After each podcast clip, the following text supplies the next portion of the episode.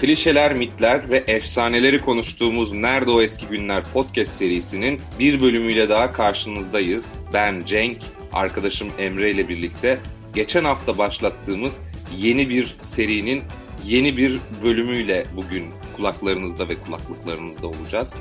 Neydi o? Türk sağında cereyanlar. İlk bölüm yeniden milli mücadele ya da işte mücadele, mücadeleciler olarak anılan grubu konuştuk.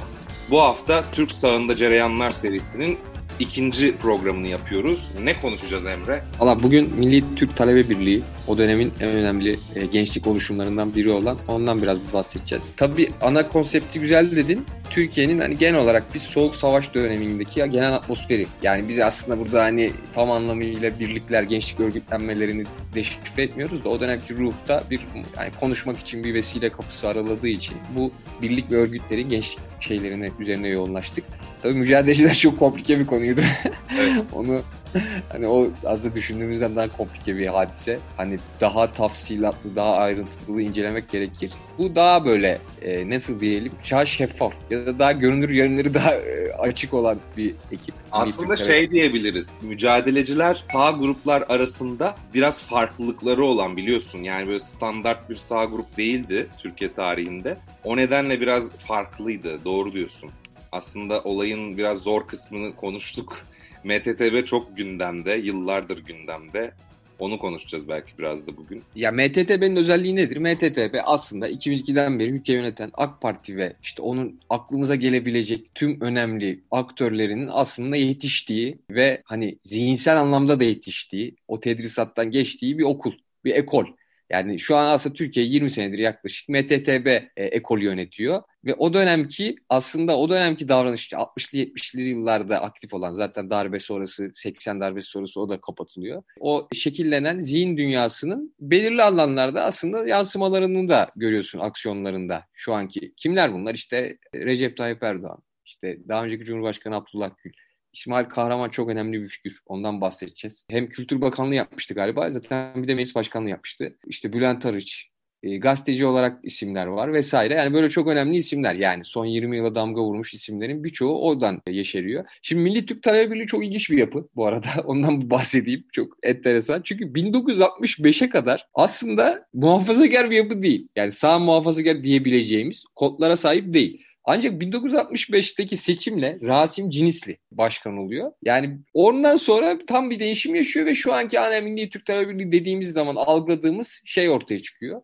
E, zaten 60'lı yıllar çok en, enteresan hem Türkiye için hem dünya için. Türkiye'deki gençlik örgütlenmelerinde de birçok kırılma ve çatallaşma, da, farklı kollara doğru yol ayrımlarını hep göreceğiz. 60'lı yıllarda hep bu vardır. Sol cenatta da çok yoğun bir şekilde var. Sağ cenatta da hani Milli Türk Talebe Birliği'nde birliğe çok enteresan bir şey var. Şimdi bir aktivizm mi diyelim? Aktivizm ruhu var diyebiliriz Milli belki. Milli Talebe Birliği belki de sağ cenahtaki yani muhafazakar cenahtaki en aktivizm e, aktivizm nedir? İşte yani aksiyona geçme, eylemsel anlamda, düşünceleri eylemsel anlama getirme anlamında en bu işin bayraktarlığını yapan grup diyebiliriz. İlk grup diyebiliriz. Yani Milli Türk Talebe Birliği.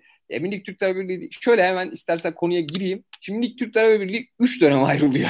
Ondan da başlatmak lazım. Birincisi evet. Milli Türk Talebe Birliği'nin birinci dönemi şudur. 1916'da kurulur. İttihat ve Terakki var yani düşün. Evet. 1936'ya kadar ilk 20 yıllık bir dönem var. Şimdi bu 20 yıllık dönem zaten hani bir de bu tip yapıları o dönemki ruhutan ve o dönemki iktidarlardan bağımsız hele Türkiye gibi bir yerde düşünmek imkansız. Şimdi o dönem kuruluyor. İşte daha böyle Türkçü bir akım olarak düşünülebiliriz. 20 yıllık bir e, oluşum. Ve o zaman Türk Talebe Birliği. Milli yok bu arada onu söyleyeyim. Milli şeyde geliyor. ikinci kuruluştan sonra gelecek. Şimdi 3 tane kırık Bu arada bir şey söyleyeceğim. Bu daha Türkçü bir yapı dedin ya 1916-36 arası olan süreç için modernist tarafı da var mı bu yapının o yıllarda? Ya, Muhafazakar değil. değil çünkü daha hani Türkçü ve progresif ya, değil mi biraz progresif, daha? Progresif yani o biraz bilmiyorum tartışmalı gibi çünkü daha böyle o İttihat Terakki'nin terakkisini almış. ya orada tabii. Ediyorum. Progres oradan doğru, geliyor. Doğru diyorsun. Ama onlar da ne kadar ya onlar da işte Jön Türklerden falan gelen bir ya da yeni Osmanlılardan kökleri alan bir terakki vardı. Ya bunlar daha çok hani aksiyonlarına baktığımızda tabii o zamanki yapıyı da düşündüğümüzde daha çok böyle reaksiyonları genelde şey Türkçülük üzerine yani orada bir reaksiyoner. Ben şimdi üç tane olayla zaten olayı birleştirmeye çalışacağım. Tamam. Üç tane olay var. Milli Türk Talebe Birliği, milli değil, Türk Talebe Birliği'nin ilk dönemki Türk Talebe Birliği'nin üç tane önemli olayı var. İşte kuruluyor vesaire. Vagonli olayı. Vatandaş Türkçe konuş. Bunu zaten biz daha önce de aslında bahsetmiştik. Bu çok ünlü bir olaydı. Evet. E, bunun tabii daha önce de örnekleri var. Yani vatandaş Türkçe konuşuyor. Ama 1933 yılında o zaman Vagon Lee diye e, Türkiye'de bir şey var, şirket var. Ve bu şirketin e, bir çalışanı, şirketin kuralı işte hep şey deniyor. Osmanlı'dan kalan kapitülasyonların devamı gibi. Şirketin çalışanı Türkçe konuştuğunu gören e, şirket yöneticisi diyor ki bak diyor bu şirketin içinde diyor ne olursa olsun Fransızca konuşacaksın. Adam telefon Bu arada hatırlatalım Vagonli yataklı vagon değil mi? Fransızcası da öyle. Yataklı vagonlar kullanılmaya başlamış. Serimizin ilk bölümlerinde konuşmuştuk bunu. Aynen öyle ya. O şirketin evet doğru ilk Terrapalas bölümünde vardı. Zaten or or orayla ilgili bir konu. Ve diyor ki işte burada diyor ve bu bir şekilde basına ve işte şeye yansıyor ve bu olay oluyor. İşte nasıl sen Türkçe konuşmayı bir herhangi bir kamu kurumu içerisinde yani e, şirket içerisinde kamu dedim. Şirket içerisinde özel şirket bile olsa bunu engelleyemezsin deniyor. Ve vatandaş Türkçe konuş hakkında nümayişler yapılıyor.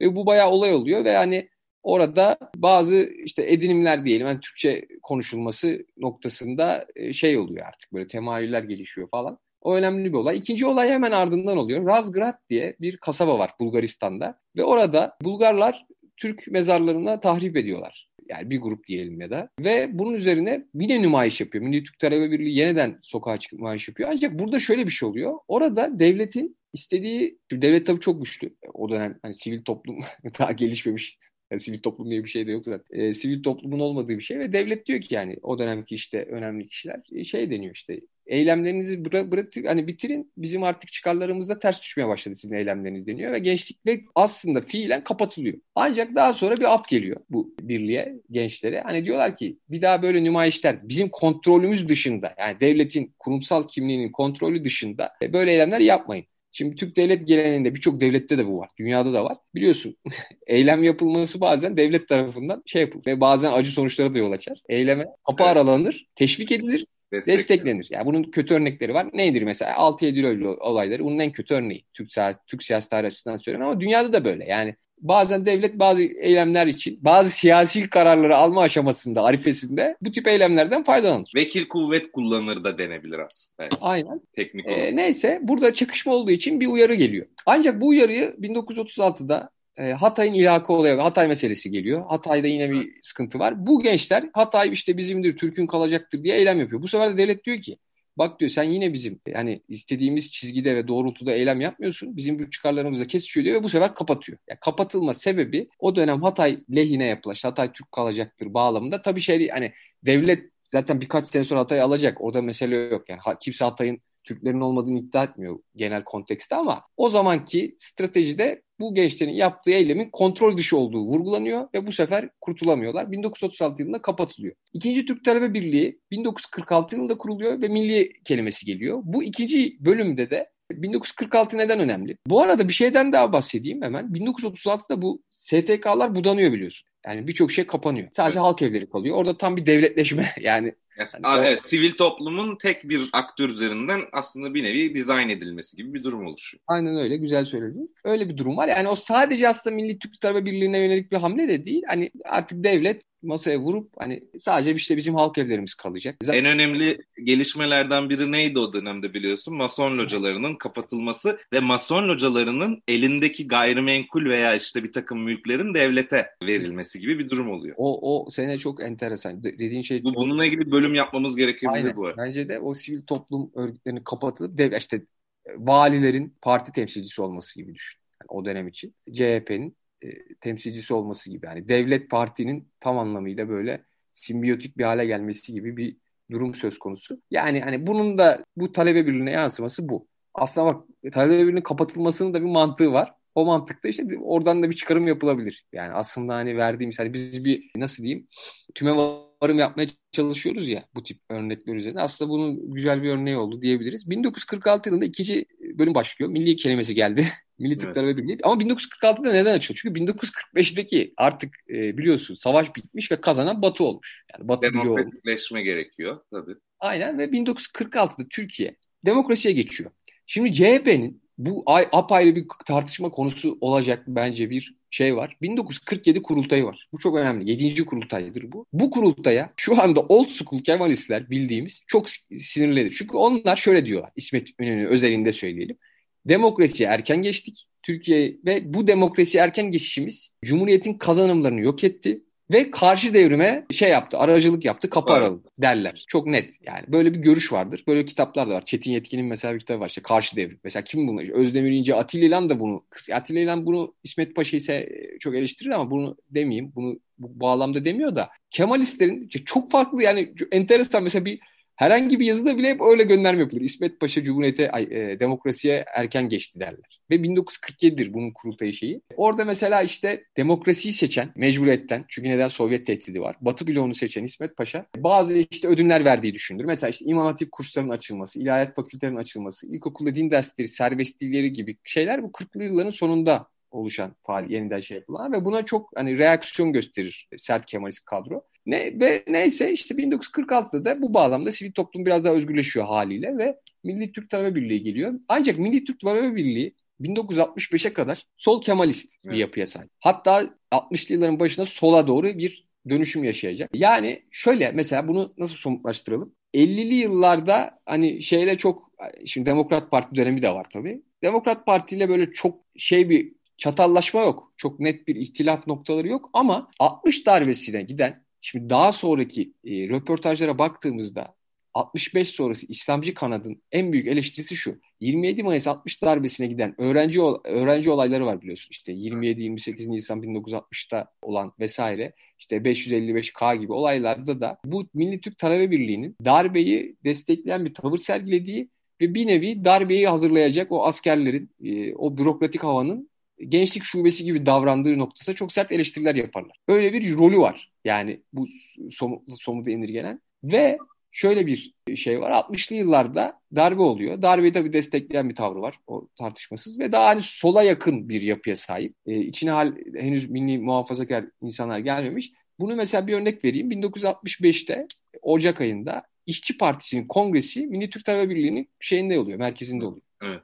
E, İşçi Partisi o zaman tam sosyalist ve çok eleştiriler geliyor işte. Siz nasıl bunu yaparsınız falan. E, içeride çünkü farklı bir damar oluşmuş. E, o damar nerede tecessüm edecek? 1965'te bir kongre oluyor ve Rasim Cinisli, bu daha sonra işte Adalet Partisi'nden vekil de olacak. Erzurumlu, e, milliyetçi, mukaddesatçı bir yapıya sahip bir genç ve bu gencin seçilmesiyle bir dönüşüm oluyor ve şu anki bizim hani algılarımızda olan, aklımıza ilk gelen o yapı evrilecek ve 1965'ten sonra Milli Türk Talebe Birliği artık sol tandanstan tamamen sağ ve mukaddesatçı tandansa gelecek. 1967'de de İsmail Kahraman'ın seçim var. O da bir nevi şey yapıyor yani üstüne geliyor ve 1967'de adeta katmerliyor diyelim. İsmail Kahraman'ın seçimiyle de artık her şey somutlaşacak diyelim.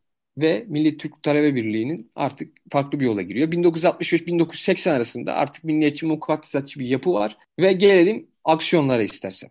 Bu noktada ben şeyi sormak istiyorum. Biraz böyle küçük yorum olarak da söyleyeyim ama İsmail Kahraman meselesinde biliyoruz işte İsmail Kahraman yanlış hatırlamıyorum değil mi? 90'lı yıllarda Kültür Bakanlığı yaptı. Koalisyonlarda yaptığını ben hatırlıyorum. Daha sonra Doğru olabilir. Bakar. Daha sonra AK Parti'nin kuruluşunda yoktu. Çok sonra kendisi tekrar davet edildi partiye kabul etti. Daha doğrusu kendisi biraz uzak duruyordu öyle biliyorum siyasetten. E sonra ama çok güçlü bir şekilde geldi. Meclis başkanlığı yaptı. Ve işte o abi konumunu orada güçlendirdi. İsmail Kahraman'ın MTTB başkanlığı dönemi için çok fazla şey söylenir. Çok fazla şey yazılır. Bazı e, böyle dedikodular da vardır. Yani işte İsmail Kahraman'ın o dönem mesela bazı eylemleri devletin lehine işte durdurdu. Her ne kadar hani gençliğin içi kıpır kıpır biliyorsun.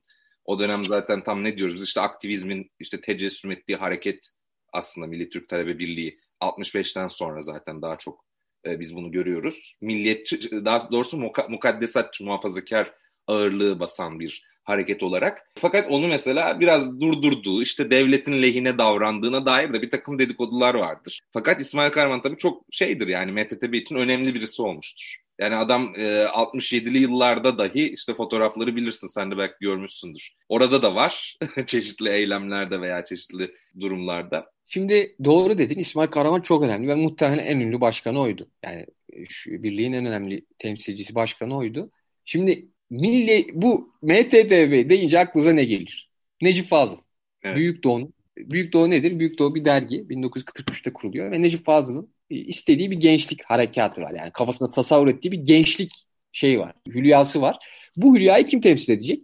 65 ve 80 arasındaki dönemde Milliyetçi Türk Talebe Birliği bunu temsil ediyor. Benim için şimdi mesela Ayasofya açıldığında şey fark etmişimdir. Müthiş bir coşku vardı bazı kitlelerde. Müthiş yani belli jenerasyonlarda. Mesela hani bizim gibi böyle 30 yaş civarı veya alt veya biraz üst jenerasyonlarda o hava pek olmasa da belli 50 60 70 bandında müthiş bir heyecan. Çünkü o zamanın gençleri 60'lı yıllarda Ayasofya noktası bu gençlik, bu damarın en önemli sınavlarından ve istek arzularından, mefkürelerinden, hedeflerinden biri. 67'de Ayasofya'da namaz diye mesela hani daha önce de Ayasofya yani şeyde her zaman masada bir konu. Biliyorsun Ayasofya 30'lu yıllarda Doğru. müze oluyor. Doğru. 33 falan olması lazım. Ve bu gençlik, bu, bu nesil Ayasofya'nın camiye dönüştürülmesini böyle ulusal yani kendi işleri için çok önemli ve milli yani milli demeyelim de ya ulvi diyelim. Hem, hem dini hem milli içine alan ulvi bir görev olarak görüyorlar. Ve 67'de mesela o ünlü Ayasofya'da namaz işte korsan namaz olayları diye geçiyor belki. İşte hani şey yararak polis kordonu oluşuyor falan. Hani çünkü orada izin verilmiyor haliyle. Onu yararak namaz kılma eylemleri gibi. Ve o nesil Ayasofya'da namazı kılmayı inanılmaz bir hedef haline getirmişti. Ve bu, bu noktada da işte eylemler e, yapıldı, gösteriler yapıldı diyelim. Şimdi bu Necip Fazıl olayında da şu var. Necip Fazıl Milli Türk Talebe Birliği'nin konferanslarda konuşan isim. Ve o gençliği şekillendiren o biliyorsun iyi de bir hatip. Zaten şiirleri de çok böyle insanları hararete sevk eden böyle güzel karizmatik kanaat önderlerinden biri değilim. Hatta birinden ziyade e, yani top listede de. Aynen öyle. O da çok yönlendirici oluyor ve Büyük Doğu dergisinin bir nevi işte Büyük Doğu'nun atlıları da denebilir. Öyle bir kitap da var. E, o dönemki nesile çok etkiliyor. Necip Fazıl o dönemki neslin önderi. Şimdi mesela zaten şurada görüyorsun yani 2000'li yıllardaki e, bu şu anki neslin şeyi de şu anki siyasetteki karşılıkları olanlar, o, o zaman gençleri de hep oraya Necip Fazıl'a işte Ayasofya'ya. Yani mesela Ayasofya'nın nasıl açılması o nesil için çok büyük bir olay. Yani olmasın belki de olduğundan daha önemli bir hadise. Mesela İstanbul'un fethi İstanbul'un fethinin kutlamaları noktasında çok şeyler. Bu nesil. Hani onun biraz arka planda kalan bir şey olduğunu, yıl dönümleri olduğunu düşünüyorlar ve bunu anıyorlar. Böyle bayramlarla vesaire anıyorlar. Çanakkale noktasında çok önemli çalışmalar yapıyorlar. Mesela Çanakkale noktasında hakikaten çok somut işte Çanakkale'nin şeyini hatta onlar mı yapıyordu şeyi? Anıt, Gelibolu anıtı. Neyse onu açıkçası ben de hatırlayamadım. Şimdi şey yapmayalım ama yani Çanakkale'yi yeniden gündeme getiriyorlar. Yani Çanakkale, İstanbul'un fethi, Kıbrıs Türktür gibi mitikler yaparak böyle milli şuur, evet. milli şuuru yeniden ayağa kaldıracak mitikler yaparak o dönemki işte Kemalist düzende yani Cumhuriyet'in ilk yıllarında özellikle ya da belli bir yere kadar gelmiş, baskılanmış o yeni bir milli şuuru yani daha dindar neslin milli şuurunu diyelim bir şekilde ayağa kaldırmaya çabaları içinde. Çünkü Şimdi aslında mücadelecilerde de buna biraz değinmiştik. Kemalist bir kanat var. Bir de hani böyle ülkücü, daha böyle milliyetçi bir kanat var. Bunlar çok baskın ama bunlar böyle bir üçüncü yoluz gibi. Mesela İsmail Kahraman seçildiğinde e, direkt bir bayrak asmış, pankart asmış şeye. Ne ABD ne orak çekiş. Hı. Bu arada e, burada hani kastettiği orak çekiş o dönemki yükselen sol. ABD'de de şimdi bu bu bu sağ kesimi 60'lı yıllarda sen az önce bahsettiğin 70 yıllardaki en önemli damgalardan biri şu deniyor sol cenahta. Siz Amerikancısınız. Hı hı, evet. Siz işte 6. çok önemli çok enteresan bir kere. 6. filoya e, secde ettiniz diye bir eleştiri vardır. O ne biliyor musun? O da şu. Biliyorsun 16 Şubat 1969'da el, elin bir olay var. Kanlı Pazar diye geçiyor. Evet. Hani Türk siyasetinde. 6. filoyu protesto etmek isteyen e, sol gençlere karşılık işte diğer sağ cen cenah diyebileceğimiz burada da MTTB önemli bir rolü var. Eylem yapıyorlar. İşte eylem nedir? Onlar da Taksim'e çıkıyor. Milli şuur eylemi altında e, bir eylem yapılıyor ve bu eylemler sırasında sabah namazında buluşuluyor o aşağıda. Evet. Kabataş cami olması lazım. Evet, evet. Şimdi orada şöyle bir şey oluyor. Kıble denize doğru biliyorsun. Denize doğru, filoya mı doğru? Şimdi taşmış, camiden dışarı taşmış tamam mı? O da diyor ki ya diyor bize diyorlar ki diyor İsmail Karavan diyor. Ya bize diyorlar ki siz 6. filoya biz işte solcular onları protesto ederken o gün siz 6. filoya dönüp secde ettiniz namaz kılıyor. O da diyor ki ya kıble o tarafta ben ne yapayım? Hani biz ne yapalım kardeşim caminin içine de sığmadık diyor. Tabi sabah namazı geçiyor. Sonra Taksim'e e, sol diyebileceğimiz kesim işte 6. filoyu protesto etmek için geliyor. Sonra orada işte tabi işin içinde açıkçası karanlık boyutlu olan bir olay. Bir anda işte e, çeşitli sopalar vesaire ortaya çıkıyor falan. Zaten o dönem yani Soğuk Savaş'ın tam ortası. Neyse karanlık boyutuyla beraber çeşitli kesimlerin de iteklemesiyle orada iki kişi hayatını kaybediyor. Birçok yaralı var falan. Orada bir yani sağcı solcu kavgası e, ha, vuku buluyor. O, acı bir hadise. Ama bu altıcı filo secde etme hikayesi e, biraz komik bir anekdot diyebiliriz. Bunun dışında dediğim gibi Amerikancı yaftasını her zaman reddediyor bu ekip. Şimdi o dönemde komünizmle mücadele dernekleri var. Biliyorsun çok aktif. Evet. İşte zaten biz bunlara da milli işte milli mücadeleciler, milli Türk Talebe Birlikleri aslında bunlar akıncılar 1976'da kurulacak. Ona da önümüzdeki program yer vereceğiz. Bunların ortak şeyine komünizmle mücadele. Çünkü o zaman komünizm en önemli öcü ve düşman. E, sol cenahtaki gençlik bloğu da genel olarak komünizm sempatizanı ya da o bayrak altında bir şekilde kalan ekip ve buna ihtilafın doğma sebebi bu daha ziyade. Yani ben şeye baktığımda Milli Türk Talebe Birliği olan ki önemli figürlerine baktığımda şeyi reddediyorlar. Biz Amerikancı değiliz, biz destekleme ama işte değiliz diye bir şey var. Tabii o dönem hani ülke ocakları da 70'li yıllarda çok ivme kazanacak e, ve birçok olayın içinde olacaklar vesaire diyelim. Onlar bunu reddediyor ama o dönemde işte komünizmi telim mitikleri var. O çok ünlü. Gazetelerde yer buluyor. İşte bugün tercüman gibi o dönem sağ cenah gazeteleri var. Bir de işte sol cenaha yakın diyebileceğimiz Cumhuriyet, Milliyet, Hürriyet gazeteler var deneyim. Ya da daha doğrusu böyle bir kategori, kategorizasyon var. En azından algısal olarak diyelim. Böyle bir blok var. Böyle bir soğuk savaş düzeninde işte solcuların siz işte ABD'nin İslamizasyon projesinin ya da e, bir parçasıydınız deniyor. Sol e, sağ cenatta tam tersini bunu inkar ve tam tersi olarak solculara bir komünizm ve işte Sovyetlerin veya işte o dönemki diğer Mao, işte Çin gibi blokların kuklası olduğunuz gibi eleştiriler var. Böyle hararetli, çok hararetli bir dönem diyelim. Bunun dışında işte 80'li yıllar, 80 darbesi zaten herkesi buldozer gibi ezdi gibi. Bu ekibi de eziyor ve kapatılacak. Daha sonra 2008 yılında yeniden açılacak. Aslında evet bu bahsettiğin 2008 belki dördüncü dönem mi denir artık. Fakat daha şey bir dönem aslında ya. O eskisi kadar etkin değil. Artık hani daha farklı bir. Ya zaten şey çok değişiyor. Zamanın ruhu çok değişmiş. ihtiyaçlar değişmiş. Yani komünizm tehlikesi artık Türkiye için yani. Bir de söylediğim gibi yani o 65 yılından sonraki MTTB'nin çok önemli karakterleri Türkiye'de iktidara geldi. Yani bu 2008'deki kuruluş döneminden sonra hala daha işte hani iktidarda bir şey var. Ee, o da değiştiriyor tabii. Yani muhalefette olmanın ruhu da farklı biliyorsun. O daha aktivizme açık oluyorsun, daha heyecanlı oluyorsun.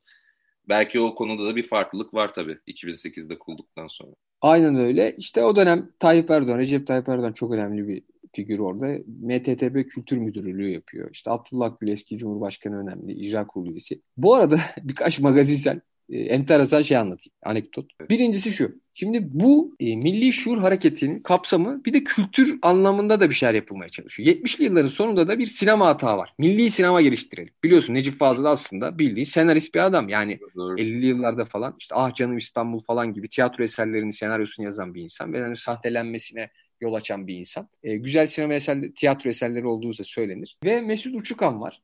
Duymuş muydun sinemacı? Açıkçası ben çok bilmiyorum. Ben çok duymadım yok. Bir sanki şey yok ismini duymuş olabilirim ama çok Aynen. net bir şekilde bilgim yok adam hakkında. E, o da işte bu Milli Türk Talebe Birliği'nin kültür kolu, sinema kolu gibi düşünebileceğimiz filmler yapma girişim var ve ikinci filmin adı Mücahide.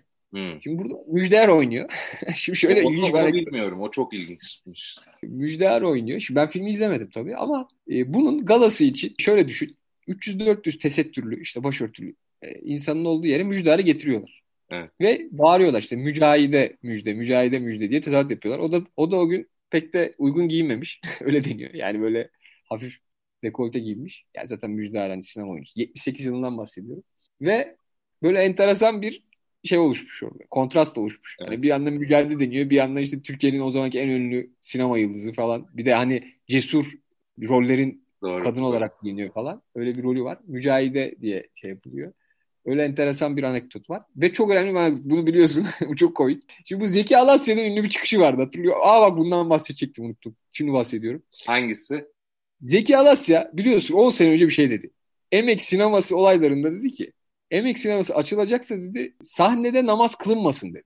Ha, Hatırlıyor evet. Emek sineması neye refer, neye refer ediyor bu? Acayip bir şey bu. Şimdi bu Metin Akpınar ve Zeki Alasya'nın tanıştığı yer Milli Türk Talebe Birliği'nin evet. 65 öncesi versiyondaki Milli Türk Talebe Birliği'nin kültür şubesi. Onlar orada başlıyor. Milli Türk Talebe Birliği o zaman bir tiyatro bölümü var ve tiyatro yapılıyor. Yani tiyatro kolu denebilir. Ve bunun başkanlığı Metin Akpınar'a getiriyorlar. Zeki Alasya da bunun yardımcısı yapıyorlar ve ilk bunlar orada buluşuyor. Yani düşün Türk sinema tarihine damga vuran ikilinin buluştuğu yer burası. Henüz milliyetçi, mukaddesatçı bir yapıya bürünmemiş 65 öncesi şeyden bahsediyor. Şimdi o dönem onlar bu çatı altında sina tiyatro yapıyorlar. Ve diyor ki Zeki Alasya aslında referans verdiği şey şu. 67'de diyor İsmail Kahramanlar geldikten sonra diyor bunlar bir gün çok komik.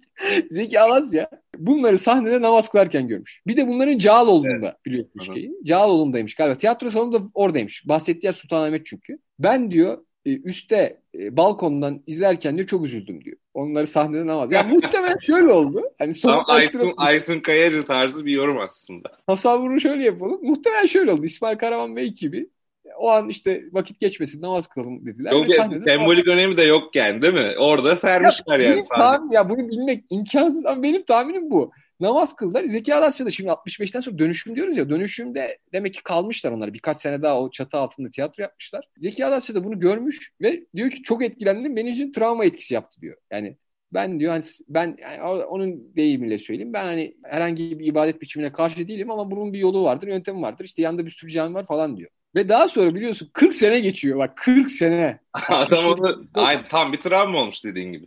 Adam hatırlıyor. Yani. Rahmetli de oldu bak. Diyor ki emek sinemasını biliyorsun. E, kapat emek sineması sembolik bir yerdi. Yani önemli bir yerdi. Şu an galiba şey oldu. İşte AVM üstünde taşındı. Evet evet şey bir, e, Grand Pera mı oldu? Yani 2010 Aa, yılının şey oldu evet ismi değişti onun. AVM oldu. 2010'lu yılların başının en önemli gündem konusu buydu biliyorsun. Sinema Taksim'de eylemler yapıldı. Yurt dışından hatta ünlü yönetmenler falan da ben gördüm. Costa Gavras mı gelmişti? Neyse. Evet. Hani böyle bayağı oluyor. Tussauds Emek... Müzesi şeyi açıldı biliyorsun değil mi oraya? Mada? İlk kata Madame Tussauds Müzesi açıldı. Ha, oraya mı açıldı? Emek evet. olduğu yere mi açıldı? Ben Taksim'e evet. aylardır, yıllardır gitmediğim için. Oraya, oraya, oraya.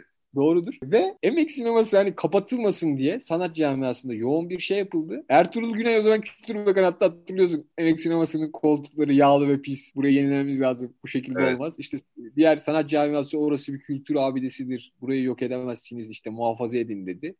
Ya bu aslında ideolojik görüşlerin değil.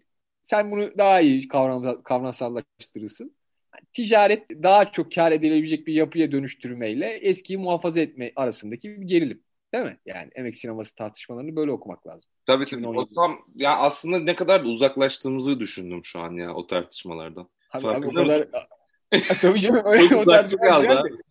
abi o tartışmalara dönmemiz için ülkenin daha böyle Ama sanki daha tatlıydı o günler ya. Ya öyle daha böyle şey konular olması lazım. Yani ülkenin çok hayati yani şimdi savaş ortasında böyle şeyler düşünülmez ya da evet. gerilim hat safhadayken kimse emek sinemasını sallamaz ama 2010 yılların başında böyle bir ara bir dönem oluştu. Yani bu tip gündemler daha sofistike konuların deyimlerinizi evet. tartışıldı. Bu tartışmada Zeki Alasya diyor ki emek sineması oraya referans veriyor. Diyor ki ya diyor açın ama diyor ibadet et, hani başında namaz kılan orada bir şey yapıyor. Yani bunu bu sinemayı e, kendi öz haliyle muhafaza edin gibi böyle garip bir göndermeyle onu söylüyor. Bunu söyleyecektim. Bunun dışında açıkçası başka notum var mı diye bakıyorum. E, bir de şu önemli son bir notumu ekleyeyim. 1976'da Bozkurt aslında e, Milli Türk Talebe Birliği'nin amblemi. Ama bu değişiyor ve Hilal ve Kitap. Yani Hilal, kitap da evet. E, haline geliyor. E, şu anki onu bilmiyorum ama en azından bu dönüşümü anlamamız için hani Bozkurt daha Türk işte mitolojik bir şeyken daha böyle İslami hassasiyetlerin güdüldüğü işte kitap gibi işte hilal gibi bir hava e, şeye geliyor. E, dönüşüm yaşıyor diyelim. E, Milli Türk Devleti'nin genel olarak yolculuğu budur diyelim. Başka bir şey. E, tabii bir sürü olay var bu arada. Bir sürü vaka var. İşte Ankara İlahiyat boykotu var. Bu ünlü Hatice Babacan biliyorsun. Hatice Onun... Babacan, Ali Babacan'ın halası diye biliyorum ben. Öyle bir... Evet, öz halası, öz halası evet. diye biliyoruz. Yani başörtüsüyle e, fakülteye giren ya o şey hani yasak koyulduğu zaman. 68 yılında İlahiyat Fakültesi'nde başörtülü giymek yasakmış. Evet. Girmek. Hatice Burada Babacan bir girmek... sembolik isim oluyor diye biliyorum ben de Hatice Babacan. O olaydı tabii. O olayın mağdur oluyor. Diyorlar ki siz çıkacaksınız falan. İşte 4-5 arkadaşı da yine başörtüyle geliyor. Bir de o zaman işte yani çok aslında bunlar da enteresan konular. Bu başörtüsü zaten çok böyle sancılı bir nokta. Mesela İlahiyat Fakültelerinde Kur'an dersi yasakmış. Evet. Yani Kur'an dersi verilmiyormuş. Daha böyle felsefe, hadis gibi şeylere yönelik daha felsefe ağırlıklı bir eğitim varmış. Tabii o, o zaman çok olay oluyor. Hani İlahiyat Fakültesine başörtülü bir insanın girmesinin engellenmesi. Hatta Bahriye Üçok o zaman hocasıymış. Hmm. E, ve onu ısıtan istemeyen yani kovan diyelim. insanlardan biriymiş. Daha sonra o da işte suikaste kurban gitti 90'lı yılların başında. Evet, evet, evet. O da yani sembolik olarak önemli bir figür diyelim. Böyle bir şey var. Daha sonra işte o tartışmalar, 68'deki o tartışmalar en azından 50 yıl sonra en azından şu anda arada hortlasa da o tip tartışmalar. Ama o dönemde gündemde var. Yani Milli Türkler Hava Birliği gidip orada bir boykot yapıyor. Ankara İlahiyat Fakültesi boykotu diye geçer. Ee, İsmail Karaman işte o zaman başkan. Gidiyorlar. Hatta orada bir açlık grevi denemesi var.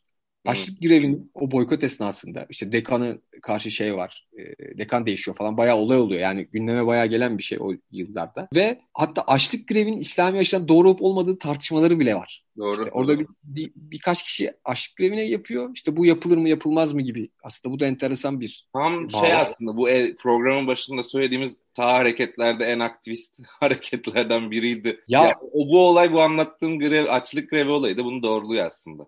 Dediğim. Aynen yani İstanbul'dan kalkıp Ankara'ya geliyorlar. Böyle bir hadiseye vuku buluyor. Bir de son şunu söyleyeyim. İmran Öktem cenazesi vardır. Eski Yargıtay Başsavcısı. Bu çok önemli 69'da sembolik bir şey. İmran Öktem'e cenazesini kıldırtmamaya şey yapıyorlar falan. O da enteresan bir hadise. Neden işte İmran Öktem böyle hani şey laflar etti. Din karşıtı bir simgesel isim olarak görülüyor. Ve hani ya bu adam Müslüman değildi. Bunu da çok açık bir şekilde söylüyordu. Bu adamın namazı kılınmaz diye bir olay oluyor. İsmet İnönü geliyor. Bir sürü karambol oluyor. işte silahlar çekiliyor. Böyle enteresan bir Evet. 69 yılında ve çok yani o dönemki ama önemli bir hadise yani. Öyle bir garip bir hadise var. Burada da Milli Türk Birliği yine aksiyoner yine sahada son derece aktif bir şekilde yer alıyorlar diyelim. Bu kadar diyelim. Daha tabii bir sürü ayrıntı ve detay var ama şimdi yani genel hatlarıyla buydu diyelim. Valla bence çok iyi özetledin Emre. Hem e, güzel anekdotlar verdin e, hem de olayı bayağı bir cover ettin yani en başından sonuna kadar. Çok teşekkürler ağzına sağlık. E, önümüzdeki hafta akıncıları konuşmayı planlıyoruz. Bir sıkıntı olmazsa. Ve Türk sağında cereyanlar serisine devam etmeyi e, planlıyoruz bu şekilde. Ben çok teşekkür ederim sana. Dinleyicilerimize de bizi dinledikleri için teşekkür ediyorum. Bizi dinlemede kalın diyorum.